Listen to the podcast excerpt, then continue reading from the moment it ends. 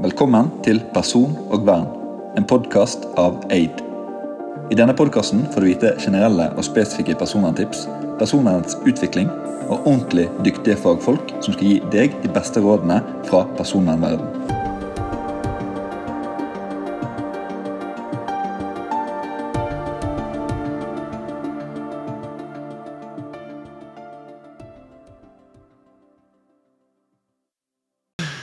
Nei, men eh, velkommen til eh, Person og vern. I dag har vi med oss eh, Per Thorsheim. Velkommen til deg.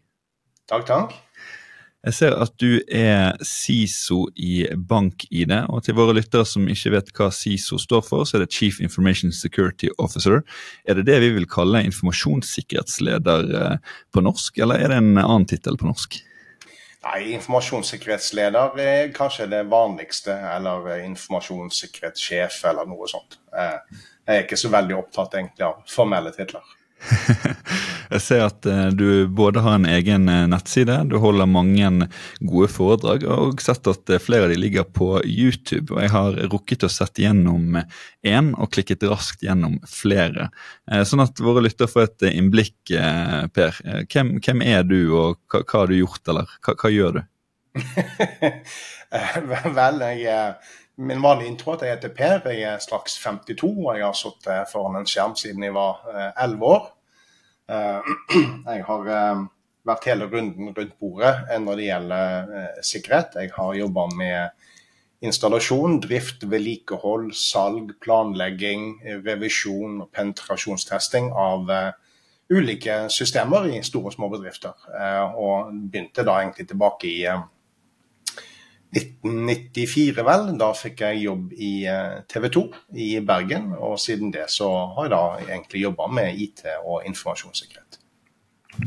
Og vi i Aid vi er jo særlig opptatt av eh, både informasjonssikkerhet og eh, personvern. Og for å bare begynne litt sånn eh, rett inn i indrefileten. Um, informasjonssikkerhet opp imot personvern. Altså Hvordan er det det eventuelt henger sammen?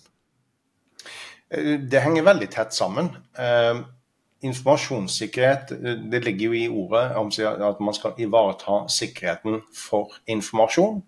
Og informasjon det kan jo da være informasjon om oss som mennesker, altså personopplysninger og sensitive personopplysninger. Men informasjon kan jo også da være informasjon om en bedrift, en kommersiell bedrift hvor målet er å tjene penger, for å si det sånn.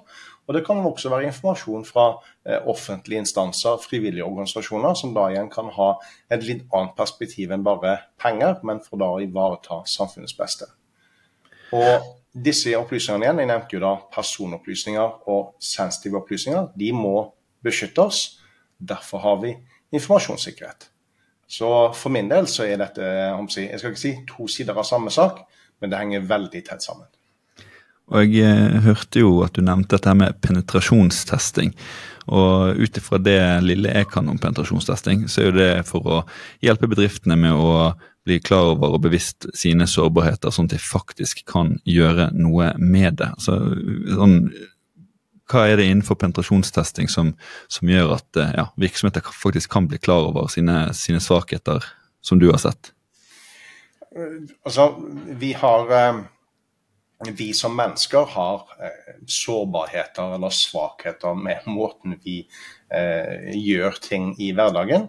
Eh, og bedrifter har også da eh, svakheter og sårbarheter i sikkerheten sin.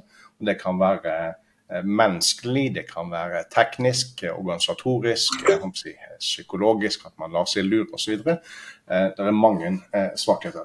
Og Presentasjonstesting da, det er jo i utgangspunktet så er jo det en fagdisiplin hvor man gjerne eh, per i dag fokuserer mye på det tekniske. Det å finne og utnytte tekniske sårbarheter i, en, eh, i et informasjonssikkerhetssystem eller et, et, en, en, løsning som en bedrift og organisasjon bruker. Men penetrasjonstesting kan også utføres i form av det som på fint utenlandsk kalles social engineering, eller eh, sosial manipulasjon, som det heter fint på norsk. Eh, eller på veldig enkelt norsk, man forsøker å lure folk. Og Da kan det være å forsøke å lure noen til å slippe, de, slippe deg inn i et lokale. Eller lure de på telefon til å gi fra seg opplysninger som de da helst ikke bør gi fra seg. Eh, og penetrasjonstesting da, det er da et verktøy som da for noen er pålagt at man må gjøre. Andre bedrifter og organisasjoner de velger å gjøre det frivillig, nettopp fordi de vil undersøke hvor god sikkerhet har vi egentlig, og er det noe som vi trenger å få fikse opp i. Og så er jo ikke det sånn at uh, man eh, holdt si, penetrasjonstester helt uh, tilfeldig. Det er en konkret bestilling der, ikke sant. Sånn at uh, man, man, har et sånn utviklings, utviklingsbriller på det. Det er på en måte ikke for å, å dumme noen ut eller å på en måte henge de ut. Det, det, det, er, en, det er, en, bestilling fra, fra virksomheten sjøl, stemmer det? Det er en bestilling. Jeg, jeg begynte med penetrasjonstesting helt tilbake i 1998. Da ble jeg rekruttert til PwC, eller som det het PricewaterhouseCoopers den gang. For da starte opp penetrasjonstesting som en tjeneste i Norge. Og jeg assisterte også da PwC i, eh, i, flere andre land, i Sverige, Nederland, Belgia, Australia og USA, med å utføre den typen eh, tester. Eh, og fra mitt personlige ståsted Eh, så skal en penetrasjonstest den skal ikke bare finne eh, tekniske sårbarheter og feil og mangler i et system. Eh, det skal også fortrinnsvis forsøke å oppnå et bestemt mål. Jeg husker veldig godt han som da var min sjef og partner, en av partnerne i PwC tilbake i 1998. Første testen jeg gjorde, var mot en bank i Norge jeg eh, klarte på veldig kort tid så klarte jeg også å få uh, veldig høye tilganger hos den banken. Jeg ble administrator. Okay. Rekord. Jeg klarte det på 15 minutter. så var jeg administrator i banken. Men når jeg da kom tilbake på kontoret og sjefen min ville ha en prat med meg, så spurte han om jeg hadde klart å oppnå noe liksom, i løpet av den første dagen på dette oppdraget her. Og jeg hadde da en teknisk bakgrunn. Så jeg sa jo da ja, jeg, jeg klarte å oppnå root access på Unix-serverne deres, og jeg klarte å oppnå domeneadministrator i Windows-domenet. Og Sjefen min han var da en statsautorisert revisor og utdannelse fra Handelshøyskolen osv. Og, og han, han, bare så på meg med sånn, sånn hyseblikk og, og skjønte ikke helt hva jeg mente. Så han spurte har du fått tak i i eh, noen opplysninger liksom, eh, fra banken som er eh, interessant. Og så sa jo jeg nok en gang ja, jeg har jo oppnådd ruteaksess, bla, bla, bla. Og han bare OK, vi prøver en gang til. Har du fått tak i personsensitive eller børssensitive opplysninger som kan brukes til utpressing eller for å tjene penger på Oslo Børs fordi du har fått tak i opplysninger andre ikke får dagene på? Og Da sier han eh, nei, det har ikke jeg gjort i det hele tatt. Vel, da har du egentlig ikke lykkes med oppdraget, sa han. Fordi de som sitter og styrer og bestemmer, de er ikke så veldig interessert i hvorvidt du klarer å komme deg forbi en brannmur eller inn på en server eller hva det nå heter.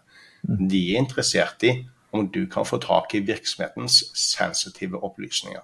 Det har du åpenbart ikke klart. Og i så måte så Vel, altså du har sikkert gjort en god jobb, men du har ikke lykkes med det som en sånn test burde vise. Eh, og Det er min personlige mening den dag i dag om at en penetrasjonstest bør ha et fokus på oppdraget, hvor man skal vise for bedriftens ledelse hvordan kriminelle kan få adgang på f.eks. børssensitive opplysninger fra et børsnotert selskap.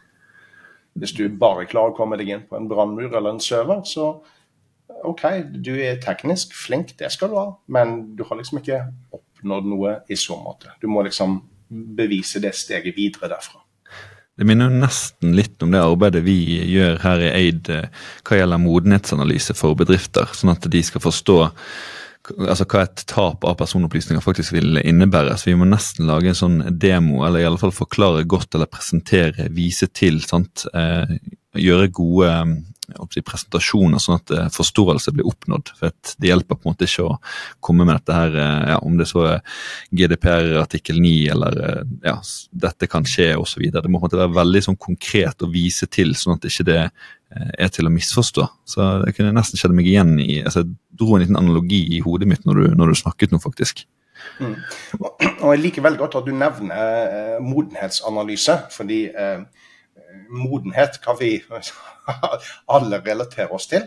Eh, også det å gjøre en modenhetsanalyse, f.eks. innenfor sikkerhet eller innenfor personvern, er jo noe som jeg absolutt vil anbefale eh, alle bedrifter og organisasjoner å gjøre. Det er en måte å si, få ja, si, bedre selvinnsikt på. Og forstå både egne styrker, men ikke minst egne svakheter. Fordi det er svakhetene våre som, som kan bli utnytta, og som vil bli utnytta av kriminelle og ja, for den del statsstyrte aktører. for den del. Og Det er mange som ikke har gjort noen modenhetsanalyse eh, av sikkerheten sin eller personvernet sitt. Og det Jeg vet ikke, etter alle disse årene så, eh, så burde jeg ikke være overraska over at det er sånn, men likevel så blir jeg i hvert fall litt eh, ja, lei meg. Når jeg da egentlig innser at det er mange som ennå ikke har gjort noen vurderinger egentlig av hvor god eller hvor dårlig er vi på sikkerhet og personer. Og nå har jo også, eh, for Vi prøver på en eller annen måte å unngå den skremselspropagandaen eh, i bedriften, men vi vet jo det at Datatilsynet har jo varslet at òg eh, mellomstore og små bedrifter vil bli altså, gjenstand for tilsyn etter hvert. og Det er mange som tenker det at ja, men det her gjelder ikke oss, vi omsetter ikke for så ja, mange millioner som konkurrentene våre gjør, eller vi er måte, bare ti ansatte. Så, mm. så, vi prøver jo på en måte, og, og, som vi snakket om før vi begynte innspillingen, å hjelpe Altså, det, er jo, det, det vi gjør. Altså, vi, vi, prøver å bistå med, med, den kompetansen vi har, sånn at eh, ja, det ikke skal skje. Altså, det viktigste er jo sikkerheten for egne ansatte og kunder. Det er egentlig numero uno. Og nummer to er jo selvfølgelig det her med omsetningstap eller omdømmetap, som også er utrolig viktig. Men det er jo mm. sikkerhet først og fremst. Eh, og det at ikke, ja, sånn som du har pratet veldig mye om, at ikke andre skal få tilgang. Det har jo med integriteten til virksomheten å gjøre. Ja, og eh, så tenkte jeg også på det, det, det du sa med, med administratortilgang i, i, banken. For det, eh, er litt høy rente nå, så når jeg er ferdig med innspillingen her i dag, så tenkte jeg at eh, det, jeg kunne trengt en sånn administratortilgang, jeg òg. ja. Um. Og, og, Du nevnte jo det at du har jobbet med IT-sikkerhet siden 1994. altså Det er, jo, det er jo året jeg ble født. OL på Lillehammer. De gode tidene som folk snakker om. Altså sånn Fra 1994 og frem til i dag, hva, hva vil du si om utviklingen der? For Jeg ser for meg at du har sett utrolig mye rart, men òg utrolig mye bra gjennom de årene der. Ja, jeg, jeg, har, sett, eh, jeg har, sett, mye bra. Uh, verden jeg, jeg, jeg, ønsker fortsatt å tro at verden eh, blir bedre eh, med tanke på eh, personvern og sikkerhet. Men samtidig så blir eh, stadig mer overlatt til oss som privatpersoner. Si, vi, må, vi, må, lære ting og vi må forstå ting for å kunne eh, være noenlunde trygge i en, i en, eh, i en digital verden. Altså, jeg er så gammel at jeg har liksom stått bak skolen og eh, kyssa en jente. Eh, og det finnes ingen bilder av det på Snapchat eller Instagram. Mm. Eh, jeg har eh, levd i en, i en, tid hvor telefonen hang fast i veggen med ledning. Jeg har sett framveksten av folk som blottlegger livet sitt på internett, og også da hvordan det har gått galt for en del, med selvskading, selvmord og psykiske problemer osv. Eh, ryktespredning på internett og sånn. Eh, så det har vært veldig interessant. Eh, det er andre som har sagt det, jeg vet ikke liksom hvor dette kommer fra, men det har liksom blitt sagt at vi gjør løsninger stadig mer teknologisk avansert for at de for sluttbrukeren skal framstå som stadig enklere å bruke. Og Det er et paradoks i dette, fordi løsningene er i dag, alle løsningene vi har, er ekstremt avanserte. Telefonen din i dag har så mye kode i seg. Det er titalls, hundretalls millioner med linjer av, av programvarekode for at din iPhone eller Android-telefon skal framstå som veldig enkel å bruke. Eh, og dette er der eh, programvarehull i. Dette er lagd av mennesker. Og da kommer dette paradokset at desto mer teknologisk avansert, desto enklere skal det være å bruke. I mange mm. tilfeller så er det jo ikke det. Det er jo, det er jo så mange muligheter, opsjoner og valg på telefonen din i dag at det er vel antagelig, det er vel antagelig ingen utenom designerne sjøl som har gått igjennom alle de mulighetene for å se Hva kan du gjøre? Hva bør du gjøre, og hva bør du absolutt ikke gjøre? Og Det gjelder jo datamaskinen og nettverkene og systemene våre òg. Ja, for Når det kommer til akkurat det og, og, og det du har sett, hva, hva sånn, tenker du, hva er sånn front of mind når det kommer til trusler i dag? Altså, Hva er de største truslene i dag? sånn at, eh, at eh, ja, for, for, De fleste ser jo Telenor-reklamene på TV. sant, at eh, mens et digitalt innbrudd eh, skjer, så merker du ingenting. sant? Det er jo, det er jo en sånn stor eh? Det oppleves jo som en sånn huldra som kommer og tar deg, sånn mørk skygge, på en måte. Mm. Så, så hva, hva, er på en måte de sånn største truslene for, for, våre lyttere her i dag? Nei, De største truslene i dag er jo mye det samme som de var for både fem år, og 10 år, og 20 og 30 år siden. Mm. Det er kriminelle som ønsker å få tak i pengene våre.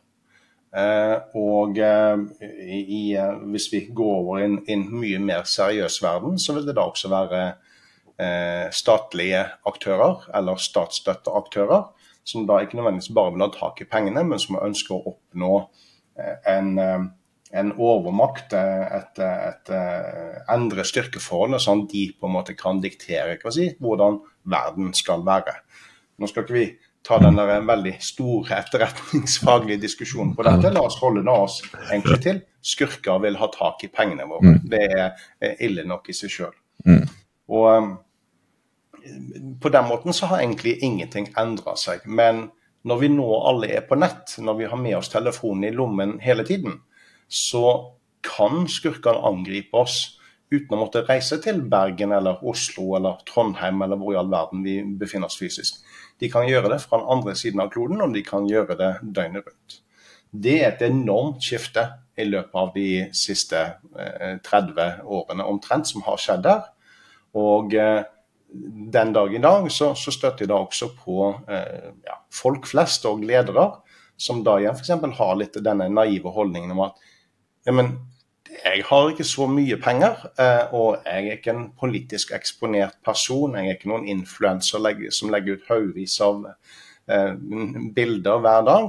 Og vi er en bedrift som, som ja, vi, vi, har jo bare noen titalls millioner i eh, omsetning og noen millioner i overskudd og sånn, men vi, vi driver jo ikke på med noe som er interessant å spionere på for Kina eller Russland. Så jeg kan ikke forstå at noen skal være interessert i å hacke oss.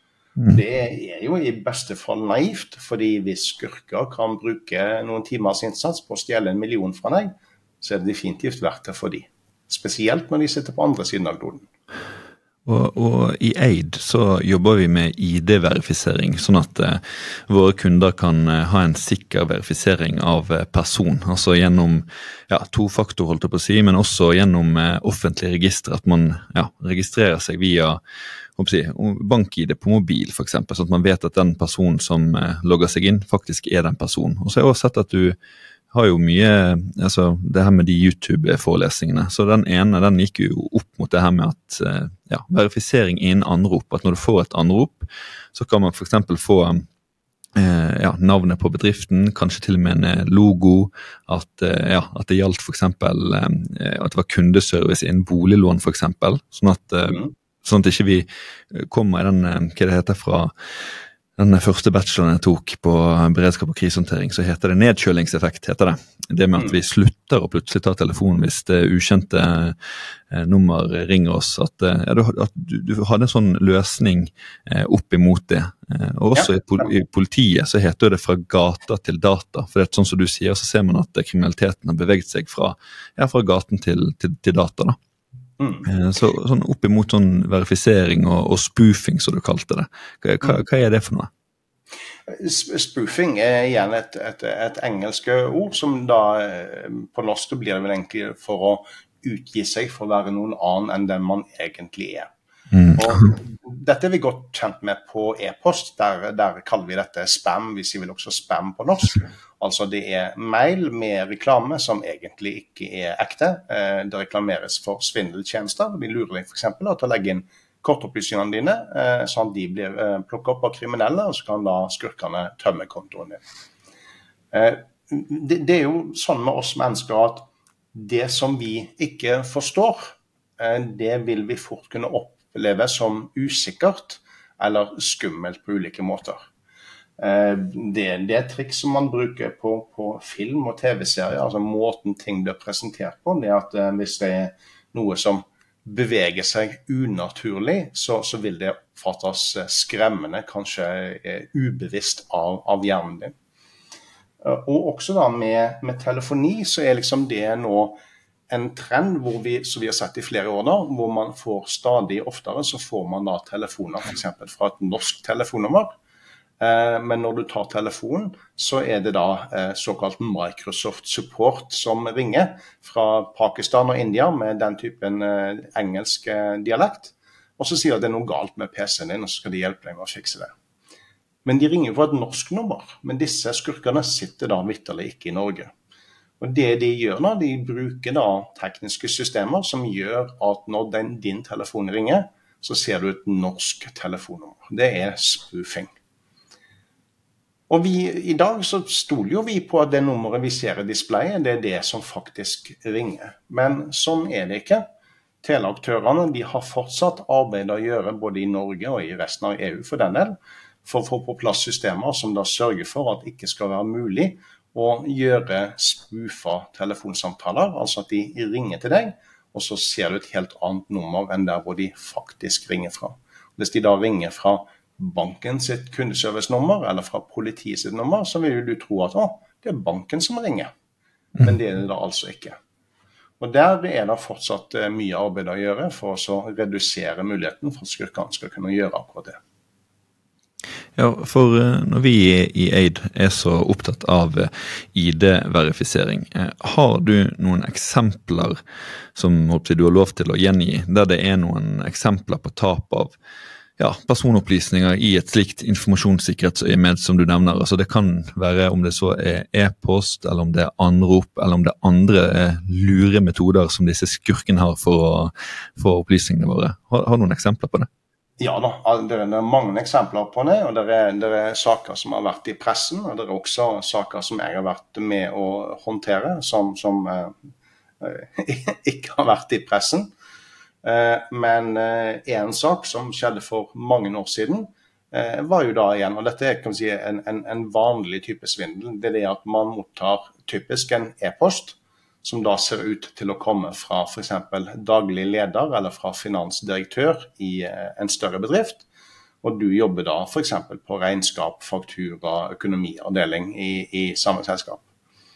Eh, og litt avhengig av om du da kan si, personlig kjenner eh, Admdir eller eh, finansdirektør osv., så, videre, eh, så eh, det litt, kan det variere litt da, i hvilken grad du kan si, stoler på, på mailen og vedkommende.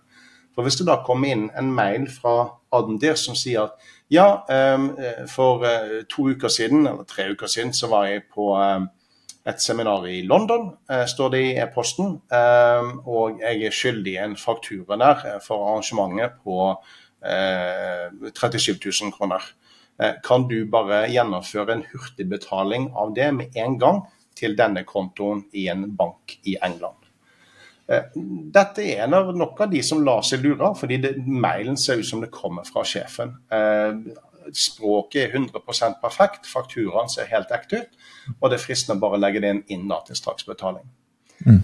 Og Det verste tilfellet som jeg kjenner til i Norge, det er da hvor en person mottok en sånn mail, eh, gjorde en betaling, fikk en ny mail, gjorde en ny betaling, og de to betalingene til sammen utgjorde nesten en halv milliard kroner.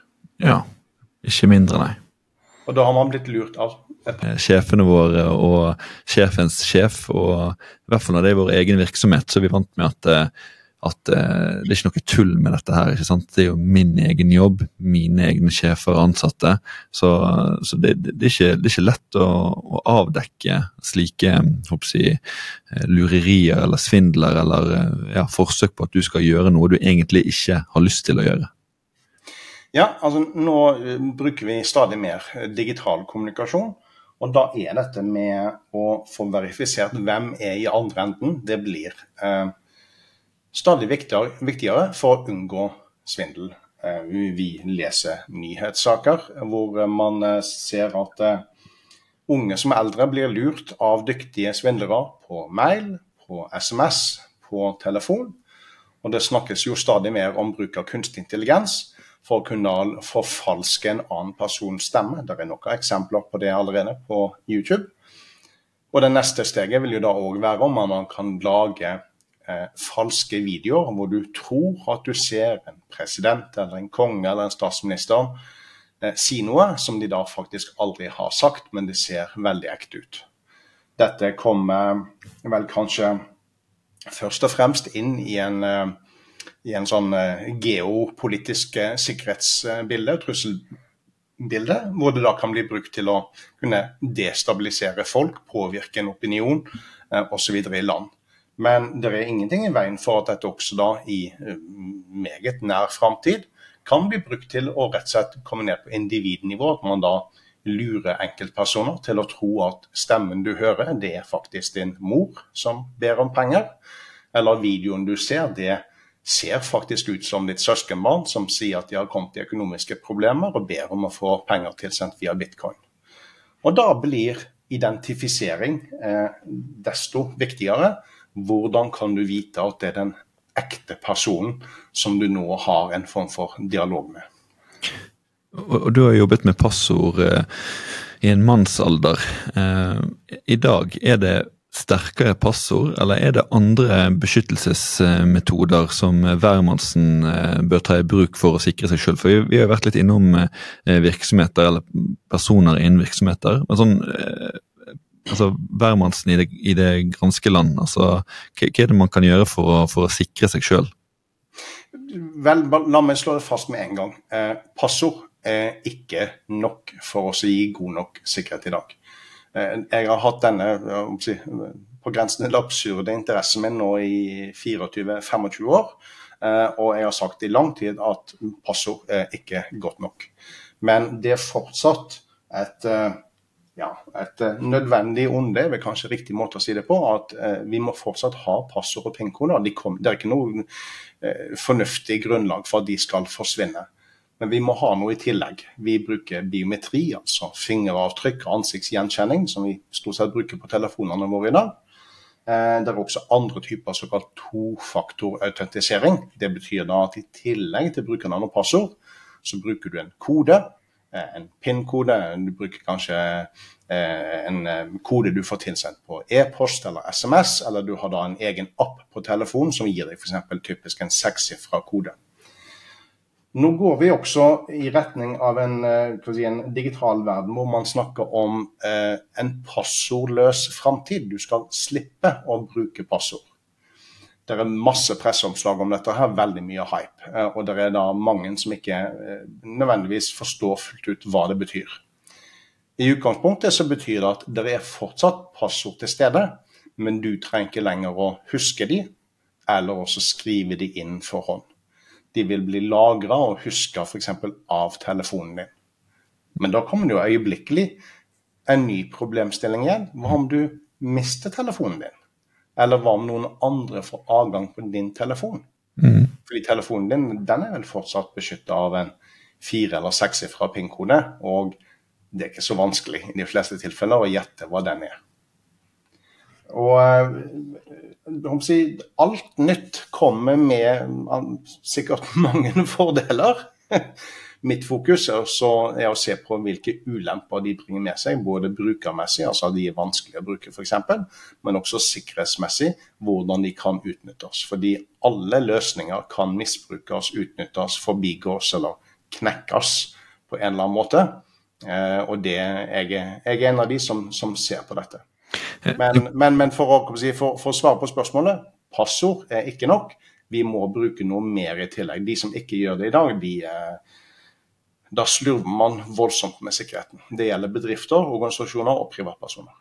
For, for, når du nevnte det, så tenkte jeg automatisk på den last pass-problematikken. holdt jeg på å si, eller eh, altså, Det er jo en app jeg har brukt sjøl, annet. Altså, det er en applikasjon som gjør at du har ett eh, hovedpassord for å logge deg inn, eh, og så genererer da den eh, passord til ulike, for eksempel ja, Snapchat, eh, Instagram, eh, og på en måte oppbevarer det i sin ja, hva skal man si, server eller database. Eh, men så er det sånn at hvis du glemmer da, eh, eller mister dette hovedpassordet eller telefonen som sådan, så er det flere som har opplevd at de kommer ikke inn eh, på denne LastPass-appen for å kunne logge seg inn på Snapchat og ja, andre, andre, kontoer. Så det er jo litt, mm. litt det samme, kanskje, da, tenker jeg. Ja da, og jeg har jo sagt til min egen mor at istedenfor at du eh, bruker det samme passordet på alle tjenester, som definitivt ikke er noe lurt å gjøre, eh, så kan du heller skrive ned på eh, et papir eh, som du oppbevarer i nattbordskuffen eller kjøkkenskuffen. De fleste passordene dine trenger du å bruke daglig eller ukentlig. Det er antagelig ganske sjelden du faktisk trenger å bruke de. Men det er klart, da får du et nytt problem. altså Du får en bruker, bedre brukeropplevelse. At du slipper å huske personen og ha det nedskrevet. Men hvis du mister papirarket, eller huset brenner ned, eller bare du reiser på ferie og glemmer å ta med deg arket, så kan du plutselig finne deg i en situasjon hvor de er utelåst. Eh, og, dette gjelder alle typer sånne nye løsninger som skal gi deg bedre sikkerhet. De eh, vil da også kreve si, en, en, en, økt bevissthet fra deg, at du må passe på noe. Du må passe på en fysisk gjenstand, f.eks. en telefon eller en form for kodebrikke osv. Så, videre. så alle nye løsninger kommer også med nye utfordringer og nye mulige sikkerhetsproblemer. For det du nevnte der, har jeg hørt på foredrag med sikkerhetsdirektør Roar Thon bl.a. at det er artig at vi kommer tilbake igjen til eh, notatlappen, der man skriver ned eh, passordene. Men det er jo sånn som du sier, det kommer nye problemstillinger ved å gjøre det. Men så er det mm. hva er sannsynligheten for at noen bryter seg inn i huset ditt for å finne den notatlappen med passord, eller vil de faktisk ha eh, diamantøredobbene og ringene og det som er glitrende gull og TV-en din og datamaskinen din. Og, ja. Så det, det, er jo litt det der med sannsynlighet. Det, det, er jo, det, er jo, egentlig et godt råd, det å skrive det ned. Selvfølgelig. Huset kan brenne ned, noen kan få tak i det, men ja. ja. Og, og, og dette, er, dette, er, noe som kan si, eh, Dette kan framstå som litt sånn avansert eller tungvint, eller det har ikke lyst til å gjøre, det, det er rett og slett skremmende å gjøre det, men det å liksom skrive ned hvilke trusler står vi overfor. Altså hvem ønsker oss vondt? Om, mm. om det er som privatperson. At eh, ja, nei, altså jeg går, i, jeg, går i åttende klasse, jeg blir mobba av en annen i klassen. Eller om det er en bedrift som skriver ned at vi er redde for eh, russiske hackere, eller vi er redde for konkurrenter som vil prøve å, å stjele eh, bedriftshemmeligheter fra oss. Mm. Men det å skrive det ned, og så da sette på en slags vurdering av hvor sannsynlig er det at de vil forsøke å gjøre dette? Er, de i stand til å gjøre det i det hele tatt? Altså Har de verktøyene, har de kompetansen til å gjøre det? Og som du sier, hvis de først skal bryte seg inn i huset ditt, er det da virkelig den passordarket ditt de er på jakt etter, eller vil de egentlig bare stjele sølvtøyet ditt og TV-en din? Mm. Uh, og, og, denne typen vurderinger, der uh, Påstand fra meg, det er jo det at som enkeltperson så klarer ikke du også gjøre en nøytral vurdering av hvilke trusler du står overfor, og hvilke svakheter du har som person. Fordi det og Jeg anklager ikke deg for å ha dårlig selvinnsikt her. Mm. Det er bare det at du er liksom ikke du er ikke objektiv i å gjøre denne vurderingen. Og det er derfor da igjen f.eks. bedrifter og organisasjoner de bør da innhente ekstern kompetanse for å få gjort f.eks. en sånn modenhetsanalyse. For da å kunne se feil og mangler du har som du ikke klarer å innse selv. Og Derfor eh, tilbyr Eid bl.a. modenhetsanalyse. Da lar vi den eh, henge i luften til eh, våre lyttere. Tusen takk for at du ville stille, Per Thorsheim. Takk for det.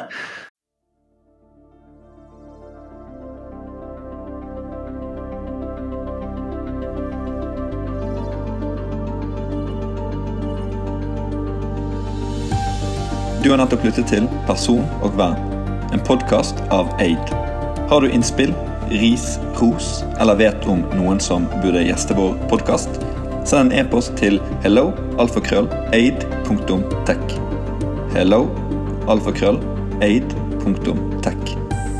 På gjenhør.